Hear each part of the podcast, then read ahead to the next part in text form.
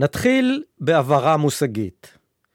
מגלומניה, מיוונית, שיגעון גדלות, תסמין, סימפטום או התנהגות לא נורמלית, המתאפיינת במחשבות שווא על עליונות וכוח.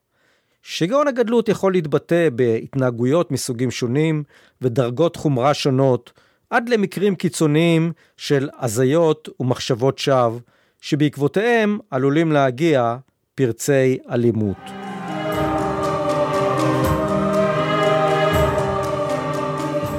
ברוכים הבאים לפודקאסט פרות קדושות, פרות קדושות, פרות קדושות, מיתוסים ישראליים עם יזהר באר. בפרק 41, מגלומניה, 37 שנים למלחמת לבנון הראשונה. רטרוספקטיבה על קטסטרופה. ראש שלוחת המוסד בביירות בזמן המלחמה ומאדריכלי הרומן הישראלי-נוצרי בלבנון, מסביר איפה טעינו ואיך הסתבכנו. כשהתחילה מלחמת לבנון הראשונה ב-6 ביוני 1982, כיהן יצחק נבון כנשיא המדינה. מנחם בגין היה ראש הממשלה. מנחם סבידור היה יושב ראש הכנסת. שר הביטחון היה אריאל שרון, רפאל איתן היה הרמטכ"ל, ואריה אבצן היה מפכ"ל המשטרה. כשלושה רבעים מתושבי המדינה החיים היום עדיין לא נולדו כשפרצה המלחמה ולא זוכרים אותה. זו הייתה הרפתקה ענקית ממדים, רבת שנים ומרובת קורבנות, שקרעה את החברה הישראלית. מה שהתחיל כמבצע צבאי ישראלי מוגבל לטווח של 40 קילומטר נגד פעילות הארגונים הפלסטיניים שהתבססו בלבנון, הסתבך למלחמה מול הסורים, לכיבוש ביירות, להקמת חיזבאללה ולהתבוססות מדממת של 18 שנים בבוץ הלבנוני, שגבתה את חייהם של 1,216 חיילי צה"ל וגרמה לפציעתם של אלפים נוספים. עד שנת 2000, כשצה"ל נסוג מלבנון, נהרגו גם כ-650 חיילי צד"ל שלחמו לצד ישראל בדרום לבנון. מהצד הערבי נהרגו בפרק הזמן הזה, על פי הערכות, כ-18,000 איש. באמצע שנות ה-70, במהלך שירותי הצבאי, נשלפתי בפתאומיות מיחידתי ונשלחתי למשימה סודית בצפון הארץ, בלי שיאמר לי מראש דבר על מהותה וסיבתה. צה"ל אסף אז קצינים דוברי ערבית, כמוני, לאמן בנשק חיילים נוצריים מדרום לבנון, גרעין שיהפוך מאוחר יותר לצד"ל, צבא דרום לבנון. היה בזה אז משהו כמעט לא ייאמן. קציני צה"ל מאמנים חיילים ממדינה ערבית שאין עימה שלום.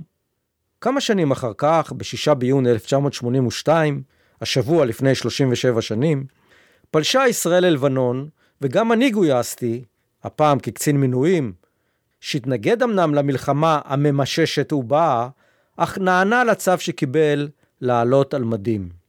ההפתעה הראשונה שחיכתה לנו אחרי חציית הגבול הייתה קבלת הפנים החמה שהרעיפו עלינו הכפריים השיעים שדרך כפריהם חלפנו בדרך לביירות, ועד היום אני תמה על המהירות בה הפכו אותם שיעים לאויביה המושבעים של מדינת ישראל. בפרק זה אני משוחח עם אחד האדריכלים של הרומן הישראלי-לבנוני, שהתחיל להתרקם באמצע שנות ה-70, וזוהי הזדמנות לברר איתו גם סוגיה זו. יאיר אביד רביץ, מי שהיה ראש שלוחת המוסד בביירות בזמן המלחמה, ומפקד מרחב צפון של יחידה 504 לגיוס סוכנים, הוא דמות צבעונית. הוא שולט על בוריו בערבית, בניב הלבנוני, מצוי היטב בגווני הגוונים של פסיפס העדות בלבנון, בקיא לפרטי פרטים בפוליטיקה הערמומית של המדינה, ואחראי למותם ולחייהם של אנשים לא מעטים ששיחקו על לוח השחמט הישראלי-לבנוני. מפעיל סוכנים חי על הקצה.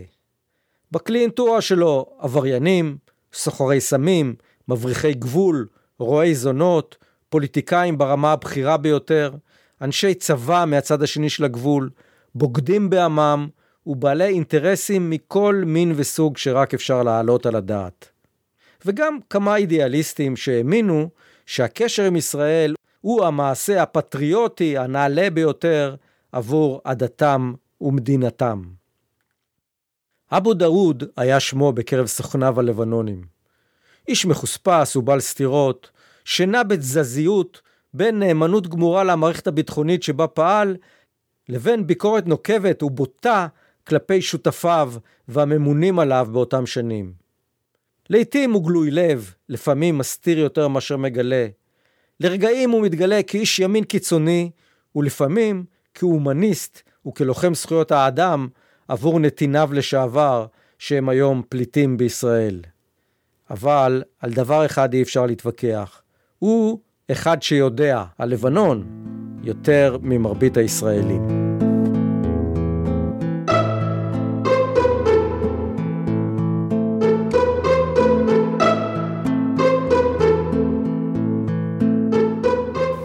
יאיר רביד רביץ, בוקר טוב. בוקר טוב. מתי בעצם ולמה התחיל הרעיון לאמן חיילים מדרום לבנון על ידי ישראל? עשירי למרץ שנת 75 פרצה בלבנון מלחמה, מלחמת אזרחים שבה כיכבו בעיקר הפלסטינים אבל לצידם גם היו ארגוני שמאל לבנונים והם נלחמו נגד מדינת ישראל על ידי ביצוע של חדירות ומבצעי אה, מיקוח בגבול הלבנון, אבל במקביל הם נלחמו נגד הארגונים הנוצרים והממשל הנוצרי שהיה שלט בביירות. כן. ושבפרצה מלחמת האזרחים בלבנון היה חשש שצבא לבנון עומד להתפרק לעדותיו ואז ריחפה אה, סכנה על ראשיהם של הנוצרים. אז גם נתבעה האמירה הפלסטינית הידועה, שאחרי זה גם מצאה, התרחשה גם בשפה הערבית בכלל במזרח התיכון, שאומרת בעד הסבת ביג'י לאחד, שפירושו אחר, אחרי יום שבת, ביום ראשון. ביום ראשון, שמשמעו אחרי שנגמור עם היהודים, אנחנו נטפל בכם הנוצרים. אמרת על אה, מניע אחד, מניע לעזרה, מיעוטים בלבנון לישראל. כן. החווה של מיעוטים. מה היו המניעים הנוספים? לא כולם באו מתוך אה, השקפה, אני מניח... אה... סוכנים עובדים בשביל כסף בדרך כלל, או מסיבות, okay. ממניעים כלכליים כאלה ואחרים, ועוד אלף מניעים אחרים. אבל היה גרעין של אנשים שעבדו למען רעיון, ואלה אנשים שהמשיכו איתנו אה, לאורך שנים. קיבלנו מהם מודיעין מהרמות הגבוהות ביותר, קישרו איתנו, אותנו עם אנשים בכירים מאוד בלבנון, שלמשל אה, היה לנו קשר ליחידה באמצעות גורם נוסף עם הנשיא קמיל שמרון. נעזרנו בו בכל מיני מקרים, כמו שכאשר הוא היה נשיא הוא קרא יום אחד ללשכתו לאחד מבכירי סוכנינו בלבנון ואמר לו, תקשיב, כי יש לי פה דיווח של המשרד השני, המודיעין הלבנוני, שיש פה דיווח שאתה קשור עם המודיעין הישראלי. אז הוא אמר לו, הוא לא אמר לו, תנתק מהם את הקשר. הוא גם לא שאל אותו אם זה נכון, הוא כנראה ידע. אז הוא אמר לו, תוריד פרופיל, שירגעו קצת. הוא לא אמר לו, תפסיק ותנתק, וזה, תוריד פרופיל, שיראו. במקרה אחר המודיעין הלבנוני יצר לנו אה, סוכן שהסורים, נולדה לנו שהסורים דורשים את הסגרתו כי גם הם רצו לראיין אותו, כנראה שהיו להם כמה שאלות מעניינות לשאול אותו. בעיקר בגלל התשובות שהם קיבלו לקבל. אנחנו פנינו לקמיל שמרון ותוך 24 שעות האיש היה משוחרר בשטחנו. זה הסורים, זה לא אה, שהוא גורם נחמד שאולי היה פעם במזרח התיכון, זה כבר לא קיים. כן. אני אתן לך דוגמה נוספת. לבנון זו ארץ של ציידים. זה התחביב העיקרי. אבל אין פיקוח על הציד. אז לא נשאר כלום על לצוד. המקום היחידי שהיה בו מה לצוד זה היה לאורך גבול ישראל, כי צה"ל עשה שם חיץ, אסר על חמושים להסתובב. כל חמוש היה יורים בו. כי אז הפח הפלסטיני היה פעיל. קמיל שמון היה צייד חובב, אבל מקצוען. היה לו גם את אחד מאוספי הרובי צייד הכי גדולים והכי יפים והכי עשירים בעולם. עד שהפלסטינים, אה, אחיכם, שדדו לו אותו. שרפו לו את הבית ושדדו לו את האוסף. אז הוא היה שולח לי בקשה, שאם אני אהיה נחמד ואאפשר לו לצוד ליד הגבול ביום ראשון הקרוב, משמונה בבוקר עד אחת. ואני הייתי מתאם לו את זה, מאפשר לו את זה כמובן. הייתי מנחה צה"ל שאם יהיו שני חמושים באזור הגדר, מסתובבים צדים שלא יתעסקו איתם. ואני ליתר ביטחון הייתי מחכה עם האוטו ליד הגדר בשביל למנוע הפתעות, זה היה בגזרת מטולה בדרך כלל. כן. כפר כלא, מטולה, עדייסה. הוא היה עובר על ידי, גם הנשיא, ומראה לי, קודם כל מודה לי על האפשרות לצוד, מראה לי מה הם צדו. אחרי שנים שהייתי פוגש אותו בביירות, היה מספר לכולם שהנה זה, היה מסדר לי לצוד. אה, איך הוא היה מתקשר איתכם? פשוט בטלפון? מרים לא, לא, לא, לא. אוקיי. היה לו דרכים לתקשר איתי.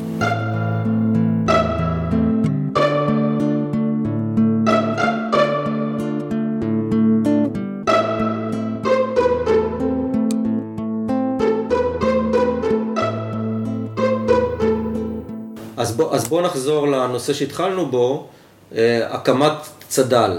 כן. אה, הצ- הצורך העיקרי אה, אה, באותה תקופה, אה, אנחנו מדברים על תחילת שנות ה-70, על אמצע שנות ה-70, כן. הוא מה, הוא הפעילות הפלסטינית, ההתבססות הפלסטינית בדרום לבנון? בדרום לבנון היה כוח פלסטיני שעשה לנו צרות. מצד שני היו נוצרים שאוימו על ידי אותם נוצרים, בין היתר, בין היתר, בגלל שהם מנעו מהם לפעול דרך הכפרים שלהם נגדנו. כן. בין היתר.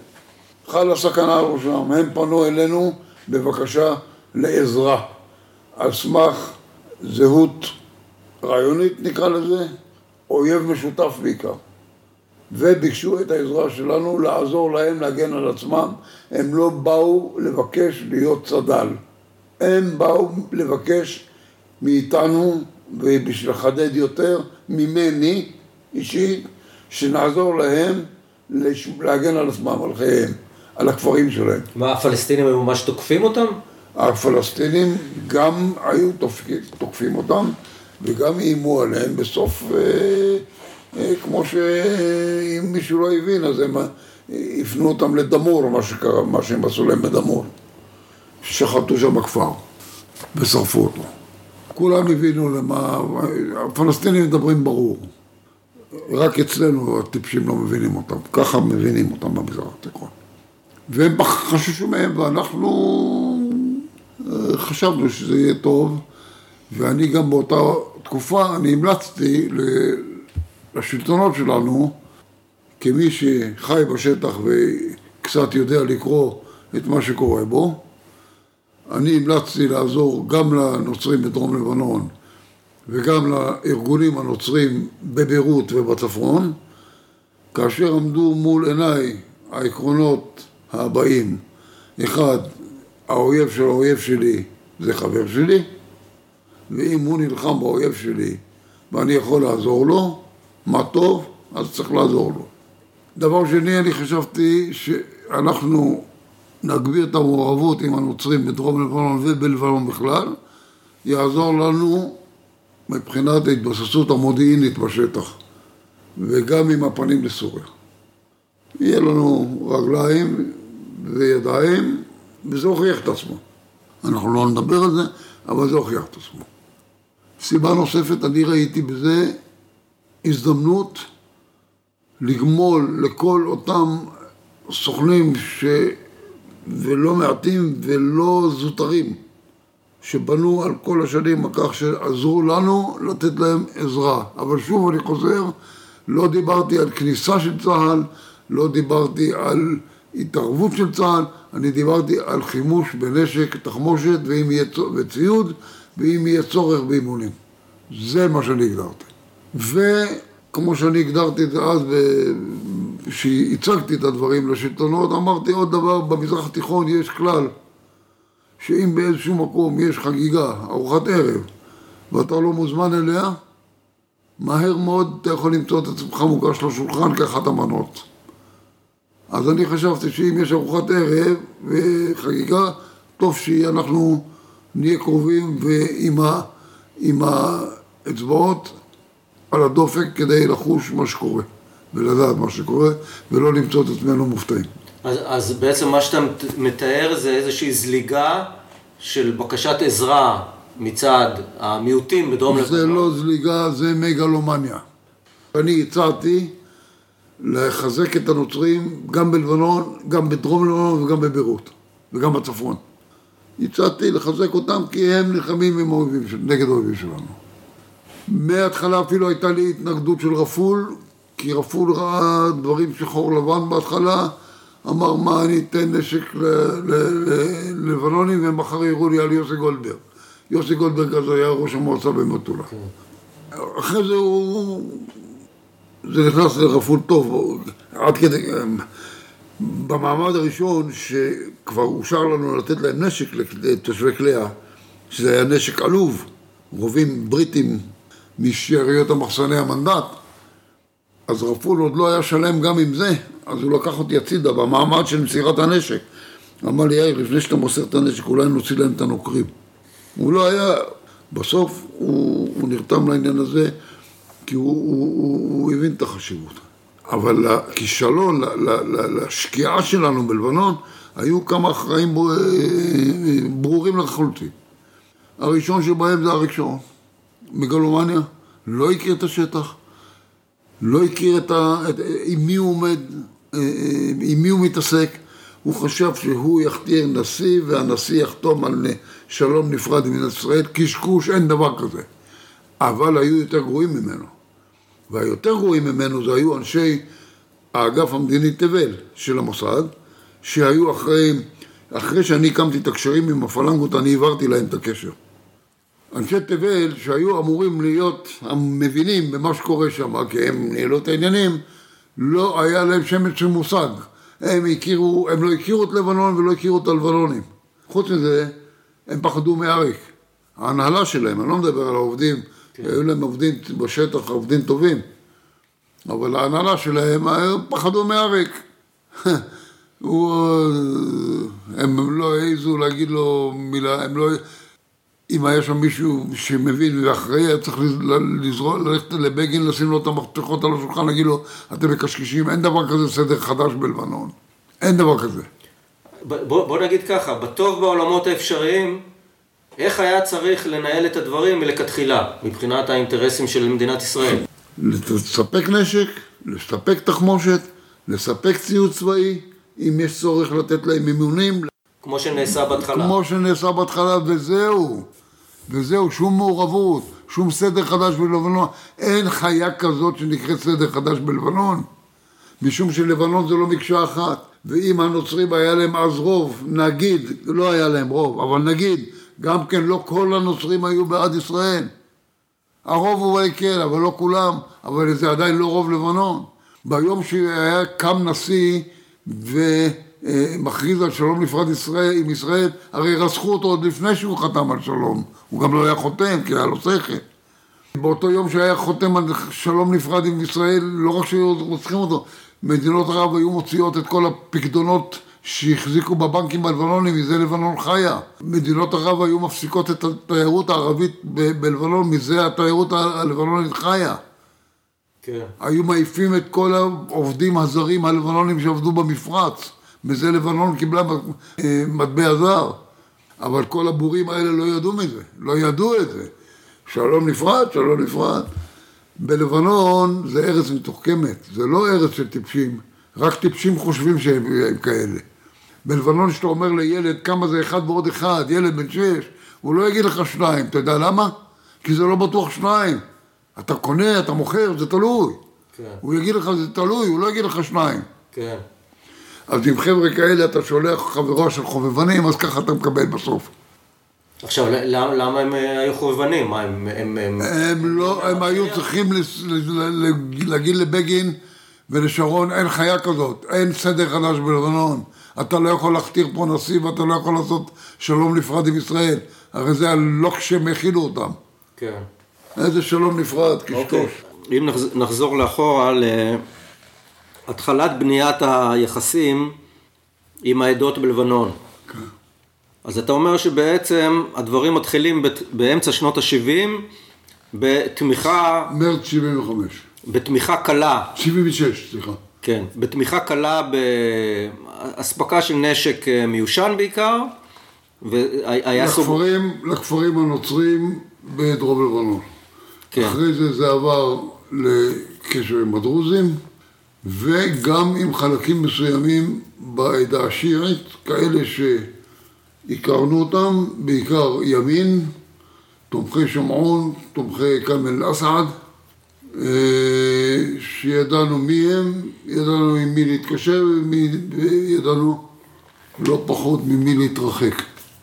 בעצם סייד חדד הוא, הוא, הוא המפקד הראשון של צד"ל? שצד"ל כן, אבל אה, לפני כן היה כוח אה, מיליציוני, הולעת קלע קראו לזה. כן. איך אה, מגיב הממשל המרכזי בלבנון לעובדה הזאת שבעצם ישראל מאמנת ומסייעת לפלגים בדרום? הקצינים שירדו דרומה, כולל סעד חדד, קיבלו מוזכרת חדמה, שזה צו הצבא לדרום לבנון. זאת אומרת, מפקד הצבא חתם על זה שהאחים חומסרי ואחריהם סעד חדד נוסעים לדרום לבנון בשביל להתקשר עם הצבא הישראלי. ובתקופות האלה הם עוד שלחו כל חודש משכורת לחיילים הלבנונים שהיו אנשי קבע. זה נשמע יותר טוב מהסכם שלום. אני ניהלתי את זה אז, לא חשבתי על הסכם שלום, הבנתי שזה בלתי אפשרי, אבל הבנתי שאפשר לנסות להוציא את המקסימום מה, מהתנאים הנוכחיים. כן. עכשיו, במונחים של ימינו זה נשמע כמעט בלתי אה, סביר ש, שדרוזים ונוצרים ומוסלמים סונים ו, ו, ושיעים נמצאים ב, ב, ביחד. היום איך זה גם יקרה? אפשרי, בתנאי שמי ששולט בהם זה השיעים. אבל אז זה לא היה ככה. לא, אז זה לא היה ככה, אז הנוצרים היו הדומיננטים. אז מה, מה אתה זוכר מהתקופה הזאת על היחסים הפנימיים בין העדות בתוך ה, היחידה הזאת? תראה, אני בתקופות האלה כבר הסתובבתי בביירות. אני הייתי מגיע אחת לחודש בערך בחסות המוסד. אחרי שהקמתי את הקשרים עם הפלנגות, העברתי להם את הקשרים עם הפלנגות, אבל המשכתי להגיע לביירות בחסותם בשביל לעדכן אחרי שהקמת את הפלנגות, אתה אומר? את הקשר עם את הפלנגות. הקשר עם הפלנגות. אחרי שהקמתי קשר עם הפלנגות והעברתי אותו לטיפול המוסד, הייתי מגיע לביירות בערך אחת לחודש בשביל לעדכן את ההנהגה הנוצרית על מה אנחנו עושים בדרום לבנון מבחינת ההתארגנויות. מה- אני הייתי מפקד מרחב צפון של יחידה 504. גם בתקופה הזאת שאתה מדבר גם עליה. בתקופה הזאת, אוקיי. ואנחנו עשינו את שני הדברים. הפעלנו סוכנים, מה שעל זה הייתה פרנסתנו, ובמקביל עסקנו בנושא של, דרום, של הנוצרים ושל ההתארגנות של דרום לבנון. אז ראיתי בבירות שהייתי מסתובב גרפיטיס על הקירות, שהיה כתוב ככה: על הכד לבנני אני יקטול פלסטיני ואחד. ומישהו הוסיף בכתב יד אחר, על אל-אקל. לפחות. על כל, פלסטין, על כל לבנוני להרוג פלסטיני אחד, ומישהו הוסיף בכתב אחר, לפחות. כן. כן. זאת אומרת, הייתה אהבה גדולה כן. עוד אה, לפני שאנחנו כן. הכנסנו את האחדות המוכרת. כן. אם הייתי מבקש ממך לתאר את הדינמיקה, איך זה עובר מסיוע בסיסי וקל לקבוצות המיעוטים בדרום לבנון, איך זה מתפתח למה שאתה קראת איזה מגולומניה או משהו כזה. כן, תראה, זה, זה התחיל בהתחלה. בהתחלה הנשק הקל הפך ליותר טוב. אה, את הרובים האנגלים מהר מאוד החלפנו ברובי FN, שבצה"ל הם כבר יצאו מהתקן, אבל בצבא לבנון זה עוד היה רובה תקני. כן. הם הכירו טוב את ה-FNים. נתנו להם זחל"מים, נתנו להם טנקים קלים, AMX, שהם, לא, אנחנו נתנו להם שרמנים, סליחה. כן. כי היו להם אנשי שריון, הם ידעו, כן. וגם עשו להם קורסים. כן. בשביל לעשות להם הסבה לשרמנים. כן. אחרי זה התחילה כל, ה, כל הסיפורים האלה של, ה, של הסדר חדש, וזה זה, זה, זה כבר, לשמחתי, כבר לא היה בתקופתי, ואני, כמיטב יכולתי הדלה, אני הייתי עושה את הכל על מנת שזה לא יקרה. אולי אתה יכול לה- להסביר מה שהיום במושגים של ימינו הוא כמעט בלתי נתפס. שיעים שעוזרים לישראל? א', אני לא הייתי אומר שזה לא נתפס. במונחים של היום. גם במונחים של היום, אני מקווה ואני בטוח, אני לא יודע, כן. שיש גם היום משתפי פעולה מ- מקרב העדה השיעית. אני לא יודע, כן. אני לא, אני לא אמור לדעת. כן. אז בוא, בוא נגיד במילים אחרות, בתור מי שמכיר את המטריה הלבנונית, מה לדעתך קרה שהפך את השיעים לשונאינו העיקריים? זה כל כך פשוט כמו צנון. אוקיי, השיעים מעולם לא היה להם שום בעיה איתך.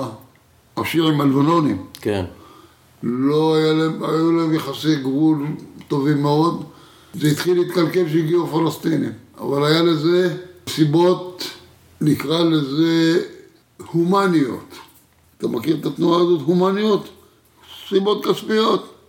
העדה השיעית בדרום לבנון הייתה אה, ותמיד עדה חלשה, ענייה. הפלסטינים יכלו לפרנס אותם טוב, אז הם הלכו עם הפלסטינים. אבל הפלסטינים כבר מזמן לא בתמונה. רגע, רגע, התחלנו, צריך כן. להתחיל ממשהו. כן, במגרש יש עוד שתי שחקניות חשובות, אחת מהן זה בתחילה הייתה סוריה, שהיו להם אינטרסים לחמם נגד ישראל, אבל לא בגבול שלהם, ואז הם השתמשו בשיעים נגדנו, כספונסר, הם היו ספונסרים שלהם, מימנו אותם, והטילו עליהם משימות. לחגיגה הצטרפה איראן, הקימו את חזבאללה, מימנו אותם ומממנים אותם, וזה לא רק אה, לקלוט להם נשק ותחמושת ולממן מנהיגים, זה כל מושג, כל מוסד הדעווה, המערך הסוציאלי, הבתי חולים, מרפאות, בתי ספר, מסגדים, זה איראן. בשביל מה הם עשו את זה? בשביל שהם יעשו את העבודה שלהם נגד ישראל. כן. הולך אה, להקריא... שיעי שקם בבוקר והוא, אין לו תועלת מזה, אין לו שום דבר נגד ישראל. שום דבר. אבל בשביל למות, להיות שהיד, הוא צריך מוטיבציה. מעבר לא, אולי לכלכלית. מוטיבציה באה, עם הכסף באה מוטיבציה. ותשמע, יש, עושים להם שם מערך של שטיפת מוח, מערך חינוכי, מערך... פעם ועדת שביתת הנשק ישראל לבנון במה עסקה? בשיעים שחודרים, מפוצצים, לא. בחמור שעבר מלבנון לישראל, בטעות את הגבול, כי לא היה גדר. או פרה ממטולה שעברה לכפר קלע. אז היה מתכנס הוועדת שביתת נשק, ובחגיגיות רבה היו מחזירים את החמור. את החמור לחמורים, את העגל לעגלים.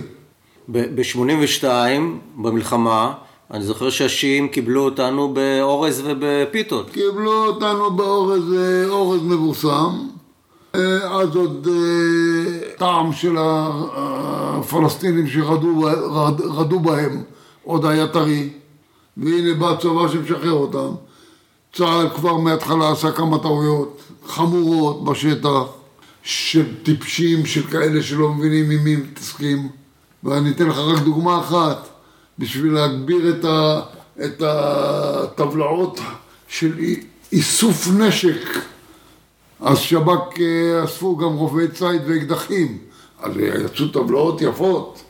במוש, ביישוב הזה הגבירו במאה אחוז את אה, איסוף כלי הנשק מהאזרחים. אתה לוקח מלבנון את האקדח שלו או את הרובה ציד, אז כאילו הורדת לו חצי שפם. אז איפה הטיפשות פה, אתה מבין? כן, כן. ולהילחם בפח הזה לא עזר, זה רק הפריע.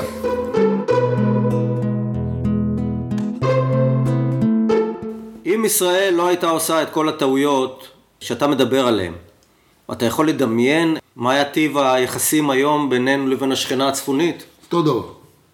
אותו דבר עם אה, פחות אולי כוח של חזבאללה, כי חזבאללה התחזק בגלל התנאים ש- כן. ש- שהלכו, בהתחלה חזבאללה לא היה כל כך חזק כמו שהיום, כן. אבל אה, להגיד לך שהיום היה הסכם שלום, אה, קשקוש, אין, אין חיה כזאת. אין חיה כזאת בכלל. לא עם החזבאללה ולא עם השיעים בלבנון ולא עם לבנון ולא עם הפלסטינים. אז מה שאתה אומר שבעצם צריך לנהל את היחסים ולא לנהל, להגיע לפתרונות... אה, לגמרי, אין. פתר, אין פתרונות, אין פתרונות. מי שמספר לך פתרונות אז אה, אתה יכול לדבר איתו עד מחרתיים, אבל אותי תעזוב מזה, אל, אל תקרא לי. כן. אני, אין לי זמן לשטויות האלה.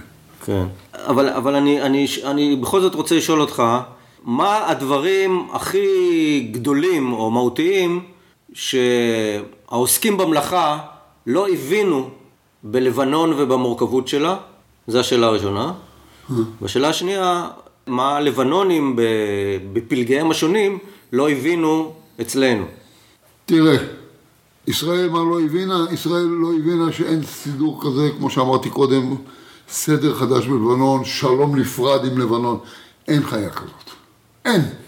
לא קיימת, וזה ישראלים טיפשים לא הבינו. הלבנונים, כל אחד, כל עדה שם שיחקה את, השיח, את, את, את האינטרסים שלה. מי ששיחקו את זה הכי נכון מבחינתם, זה היו המורונים. תפסו פראיירים, הוציאו מהם את המקסימום, הפראיירים זה אנחנו. והפראיירים זה אנחנו בוודאי. העדות האחרות, מי יותר מי פחות, או שרדו, או קצת חטפו, אבל בסך הכל לא, לא קרה להם שום דבר. אה, הפלסטינים בשתי הזדמנויות, אה, גם כן זה לא מאיתנו, זה מה, מהמרונים, בסברו שתילה, אה, חטפו, אבל חטפו במושגים לבנונים, במסגרת המקובל בלבנון, לא היה שם שום דבר חריג. בדמור ובעישי לא היה פחות רע. אתה מדבר אה, בטבח בסברה ושתילה מול אה, טבחים, מעשי טבח קודמים. נכון, נכון. לא גם, המציא- גם בהיקפים? לא? גם בהיקפים, לא המציאו שם שום דבר חדש. שום דבר חדש לא המציאו שם. זה היה נוח לשמאל הישראלי הנבזי בשביל להכניס לאריק שרון. כי זה, אז הוא עוד לא הביא לנו את השלום עם הפלסטיני. אתה מבין? אחרי שהוא הביא לנו את השלום עם הפלסטינים, זה כבר אריק שרון חדש. אז הוא היה רוצח. אבל לא היה לו שום קשר לזה. אבל, אבל בכל זאת אה, צה"ל היה במתחווי... אה, מתח- מתחווה, מתחווה, צה"ל לא נכנס לשם, צה"ל לא ירה כדור אחד שם. אני ראיתי במו עיניי כן. את החבר'ה של האלח ביעה, של המודיעין של הפלנגות, באותו ערב, לפני שהם יצאו, יושבים משחיזים סכינים, ואומרים לי, הם הכירו אותי, אני לא היה לי שום עסק איתם ולא קשר איתם, גם לא היה לי שום אחריות לעניין הזה. אז אמרו לי, אה, היום אנחנו משתמשים בנשק לבן. נשק לבן ב- בלבנוני זה סכינים. אז הם ישבו והשחיזו, כן? אבל... אה, ומה, לא, לא ניסית להתערב באיזשהו אופן? להתערב במה? אני אפילו לא שאלתי אותם לאן הם הולכים, כי זה לא עסק שלי. אני לא עבדתי איתם, אני, לא, אני אשאל אותם איפה זה, מחר הם ישאלו אותי לאן אתה נוסע. ואני נסעתי לפגוש סוכנים, אני לא רוצה ש, שהם ישאלו אותי לאן אני נוסע, ואני לא שואל אותם לאן הם נוסעים. כן, לא היה לי שום קשר איתה, עם העסק הזה, ולא שום אחריות עם העסק הזה. כן. אבל, אבל נגיד, לא- לא רצית לדווח לדרגים הבכירים? מה לדווח? ויום קודם לא היה שם שחיטות, ויומיים קודם לא עצרו במחסומים ושחטו לפי תעודת זהות. מה, מה לדווח? כן. אין לי מי לדווח, אבל מה לדווח? אני הייתי מדווח אם היינו מגייסים סוחר באותו יום, זה היה מה לדווח. כן. זה העבודה שלי, הנסיגה בשנת 2000, כן. מצאה אותי אה, אה, גמלאי. אוקיי. אה, אה, מה הרגשת כשראית את התמונות מהנסיגה? הרגשתי מאוד רע, בעיקר בגלל איך שזה נראה. למה? משום שאנשים שנלחמו איתנו כתף לכתף, היו בעלי בריתנו 25 שנה, נבגדו. ואני לא מתווכח עם עצם ההחלטה, שים לב, עם עצם ההחלטה אם לסגת או לא לסגת, התקבלה בצורה לגיטימית על ידי שלטון ישראלי שנבחר לקבל החלטות. מה טיב ההחלטות אנחנו יכולים להתווכח, אבל היא, היא לגיטימית. אבל לא לבגוד בבעל בריתך ולא לדווח לו ולברוח מלבנון בלילה בלי להגיד לו שאתה, שאתה בורח. איך זה היה צריך להיעשות לטעמך? לטעמי, להכריז על עוצר לשלושה ארבעה ימים בלבנון, כל מי שמוציא את האף מהחלון, הדלת של הבית, דמו בראשו, ולפקח על זה עם, מסוק, עם מסקרים ועם מטוסי קרב ועם מזל"טים ואם יורה, ארטילריה יורה, אז מורידים עליה מיד אה, אה, 20 טון פצצות. אם מישהו יוצא מהדלת ויורה, אז כל הרחוב שלו נופל, ואז מודיעים לכולם, צה"ל נסוג, אם כל מי שמבעלי בריתו רוצה מוזמן להצטרף.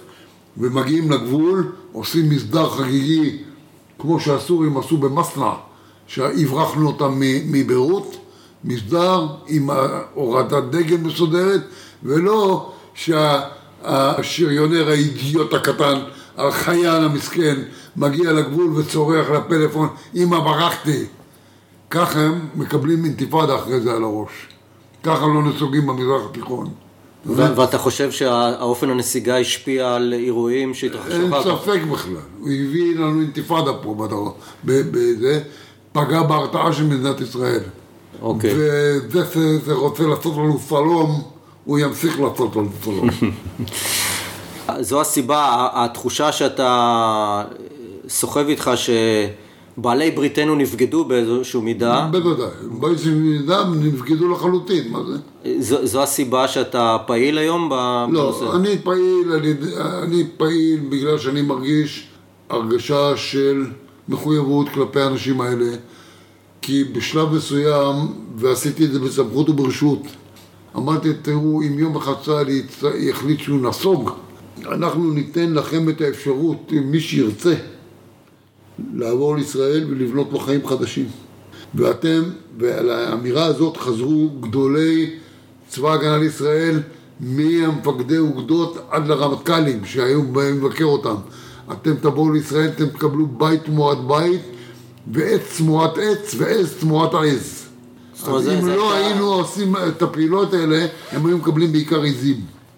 כמה אנשים נסוגו יחד עם צה"ל כשהוא יצא מלבנון? 7,500 איש 7,500? הגיעו לכאן, כן. אוקיי. כמה קיימים היום בתוך ישראל? עוד 3,000. איפה כל השאר? חלק חזרו ללבנון, חלק היגרו, חלק לאוסטרליה, חלק לדרום אמריקה, חלק לצרפת, בגרמניה. אז בואו בוא, בוא נדבר קודם כל על, ה, על, על המהגרים החוצה. זה ישראל אה, מעודדת אותם, מסייעת להם? כן. ואני מניח שרובם נוצרים, שיש להם אה, בני משפחה. לא רובם, אבל אה, הרבה מאוד. אוקיי. גם שיעים יש הרבה מאוד בעולם. כן, אז גם עזבו גם שיעים. עזבו גם שיעים. שיעים בכלל יש להם פה בעיה, אין להם עם מי להתחתן. כמה שיעים אה, עברו לישראל? לא הרבה, עניין של עשרות, אבל. ונשארו עוד כמה כן, עשרות? כן. אז אה, מה, מה, מה באמת, איך הם מתנהלים? איפה הם חיים? הם מתנהלים איפה שהנוצרים חיים, אה, איפה שהצד"לניקים חיים. עם מי מתחתנים? בדרך כלל עם קרובי משפחה שנמצאים בעולם. לא, ומאפשרים להם איחוד משפחות נגיד? כן. אוקיי. ותסביר את הפנומן הזה של חזרה מלבנון, אה, אה, איך, אה, אה, חיזבאללה מאפשר אה, חזרה בשלום של אה, אנשי צד"ל או אחרים? לא, זה כבר כמעט שלא קיים. בדרך כלל מי שחוזר היום זה כאלה בארונות, שהם רוצים להיקבר בלבנון. בהתחלה היו לוקחים מהם כופר גדול, כי מדינת ישראל הייתה נותנת מענק, מענק חזרה. כן. אז הרוב היה הולך, היו לוקחים להם, יושבים בחקירות, גם של חיזבאללה, גם של הצבא, מקבלים כמה שנים בית סוהר, חלקם מתו בחקירות, שמונה איש מתו בחקירות, כמה, כמה חזרו, אנחנו יודעים, אה, מאות. מאות חזרו. אבל יש כאלה שגם חיים בשלום חיים תחת... בשלום, חיים בחר, חיים בזבל. אבל בכל לבנון חיים בזבל היום. אז בעצם מה, מה שאתה אומר, שישראל נתנה התחייבות ממשלית, ממלכתית, ש, שכל מי שעבד עבד איתה, סייע נתנה. התחייבות הצהרתית שאני לא יודע אם יש לה ערך משפטי. איזה סוג של אה, בעיות, או בעיות. אי עמידה בהבטחות, כשאתה אומר אי עמידה בהבטחות, מאיזה סוג? תראה, יש אה, משפחה שאיבדה את אחד מראשיה בשירותנו שם, והם הגיעו לכאן כי אחד הבנים היה בצד"ל, לכן הם הגיעו, לא בגלל ש... והם בכלל לא ידעו את הנסיבות שאותו איש משפחה נהרג. אבל אני ידעתי טוב, כי אני, אני, אני שלחתי אותו למותו, בשירותנו. והגשנו תביעה והמדינה דחתה, הגשתם תביעה למה? שיכירו בהם כזכאים לשיקום מדינתי, מעבר להיותו של בן המשפחה בצד"ל. והמדינה דחתה את זה. אז, לקח, אז לקחנו עורך דין והלכנו לבג"ץ וזכינו. והמשפחה שוקמה כמו שצריך. אז אתה יכול, אה, באמיר- באמירה כללית, האם ישראל עמדה בהתחייבות שהיא נתנה? בגדול כן, אה, בעובדה שנכה צד"ל יש לו את אותן זכויות כמו שלי כנכה צה"ל והוא מוכר כנכה צה"ל. זה הישג וזה לזכותה של מדינת ישראל. אלמנת צה"ל מוכרת כאלמנת, אלמנת צד"ל היא אלמנת צה"ל. ויתומי צד"ל הם יתומי צה"ל והם מקבלים את כל הזכויות מה שלא מקבלים באף מדינה ערבית אחרת תושבים בלבנון, למשל, יודעים כן, שישראל, כן, כן, כן, שישראל נותנת, כן, עומדת כן, בהתחייבות כן, שלה? כן, כן, בוודאי, בוודאי. ש- שלזה יש חשיבות אה, מרחיקת לכת בוודאי, לגבי... אה, בוודאי, בוודאי. זה שיש נכי, ויש לא מעט, נכי שתי, קטועי שני רגליים, שמקבלים בית יפה בלי, בלי מדרגות, עם רכב צמוד, עם נהג מלווה 24 שעות, עם משכורת, זה יודעים בלבנון. וזה שם אה, גנרל לא יכול לחלום על תנאים כאלה. אוקיי. כן. אנשי צד"ל לא גרים באף אחד מהיישובים הערביים בארץ. הם גרים בנהריה, במעלות, בכרמיאל, בצ- בצפת, בקריית שמונה, בטבריה. יש אפילו בחדרה. יש אפילו ב, ב, ב, בתל אביב כמה, ובאילת. באף אף אחד מהם לא חי ביישוב ערבי, כי אלה לא אוהבים את אלה, ואלה לא אוהבים את אלה, ושניהם צודקים. אז בגדול אתה יכול להגיד שהקליטה של אה, פליטי אה, דרום לבנון היא סיפור הצלחה? תראה, קשה לקרוא לזה הצלחה, כי אף דור ראשון של מהגרים זה לא סיפור הצלחה, בשום מקום, גם לא בארצות הברית. אין דבר כזה, גם לא בארץ. מה, מה התלונות העיקריות שאתה נתקל בהן? תשמע, עו- עוני, עוני לא מספיק מה שמקבלים, גם ההפרדה שעשו בין אה, בכירים לבין אה, החיילים הפשוטים, הוא, היא, היא, לא, היא לא טובה, ואני ממשיך להילחם בזה, ולא רק אני. הפרדה מה, בחבילה? בחבילה? חבילה, כן. אוקיי. אנחנו תובעים דיור לכולם, לא רק לבכירים שקיבלו דיור ולא בכדי ובסדר גמור, אני שמח. אבל אז גם, גם הזוטרים עזבו דירות ורכוש בלבנון. וגם הם צריכים לקבל, ולא רק עשר... הבכירים בסופו של דבר מקבלים שכר דירה מלא, או שחלקם, רובם, קיבלו כבר בתים. כן. רכוש. והזוטרים, הם מקבלים סיוע מזערי בשכר דירה, שזה לא מספיק. והם צריכים לעבוד קשה בעיקר בשביל השכר דירה. כן. אבל, אם אתה מדבר על, על הצלחה, רוב רובם של הדור השני הולכים לצה"ל וליחידות קרביות. מכל העדות. כן, מכל העדות. צה"ל, צה"ל מקבל גם, גם מוסלמים? מקבל. אה, ושיעים גם? גם שיעים מקבל. יש שיעים בצה"ל? יש שיעים בצה"ל, כן. גם בצה"ל וגם במשמר הגבול. אוקיי. כן. ואתה רוצה יותר מזה? אתה יודע, אתה יודע מה עושה הבת של סעד חדד? לא. אחת הבנות שלו? נו, מהנדסת טילים ברפאל. טוב? יפה. יפה מאוד, זה לא יפה. מה שאולי לסגור רק את המעגל, כן. בעצם אתה, אתה אומר, כש- כשדיברת על המגולומניה, כן. ואחרי זה שאלתי אותך, אם לא היינו עושים את כל הטעויות, או את כל המגולומניה הזאת, כן. מה, איך היו נראים פני הדברים, אתה ענית שאותו דבר בעצם. לא היה לנו שלום היום עם, עם לבנון, ולא היה לנו הסכם נפרד עם לבנון, ולבנון תמיד תהיה המדינה האחרונה שתעשה איתך שלום, כי היא הכי חלשה, והיא הכי לא הומוגנית, לכן לבנון תהיה אבל, אחרונה. אבל מעבר לדברים שאתה אומר, יש לזה משמעות מאוד מרחיקת לכת, כי בעצם, בעצם אתה אומר ש-20 השנים של השהות ב- בלבנון, בתוך לבנון, לא הועילו למדינת ישראל. לא, ודאי שלא. ודאי שלא. עם כל הקורבנות וכל ההשקעה וכל האבדות, ולא לא, לא הובילו לכלום. לא הובילו לכלום. לא. ואף אחד לא אחראי, אף אחד לא שילם מחיר, אף אחד לא היכה על חטא. להפך, הוא אחד, זה שהיה אחראי על זה, נעשה אחרי זה צדיק אצלכם. אצלנו. כן? אתה מתכוון לשרון. בוודאי, למי אני מתכוון? כן. טוב.